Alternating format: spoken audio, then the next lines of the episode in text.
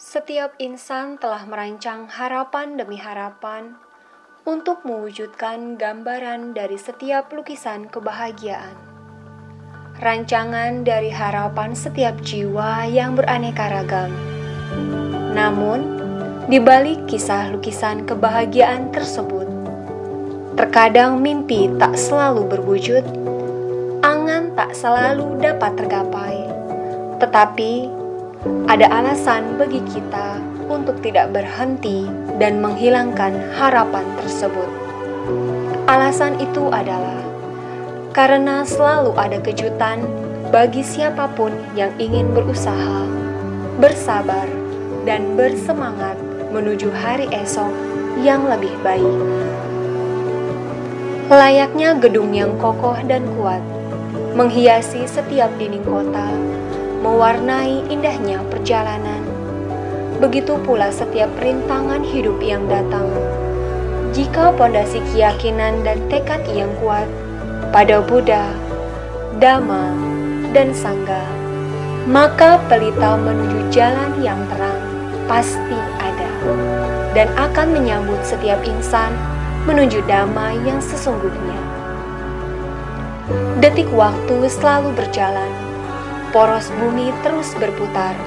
Siang dan malam akan tetap ada. Lalu, apa yang membuat kita ingin mendekap erat segala sesuatu yang pasti berubah? Banyak arti kehidupan, banyak pembelajaran, dan banyak guru kesabaran yang telah datang menghampiri, baik sekedar melintas ataupun menepi sebentar di tahun 2020 tawa, sedih,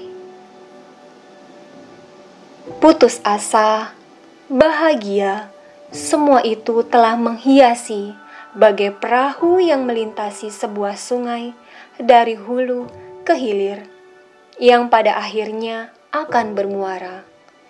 Demikian pula tahun 2020 ini, ada tangan-tangan penuh harap ada hati yang penuh kasih, ada jiwa yang menjadi garda terdepan, bahu-membahu membawa cita-cita terbaik dan menuju hari yang penuh dengan damai.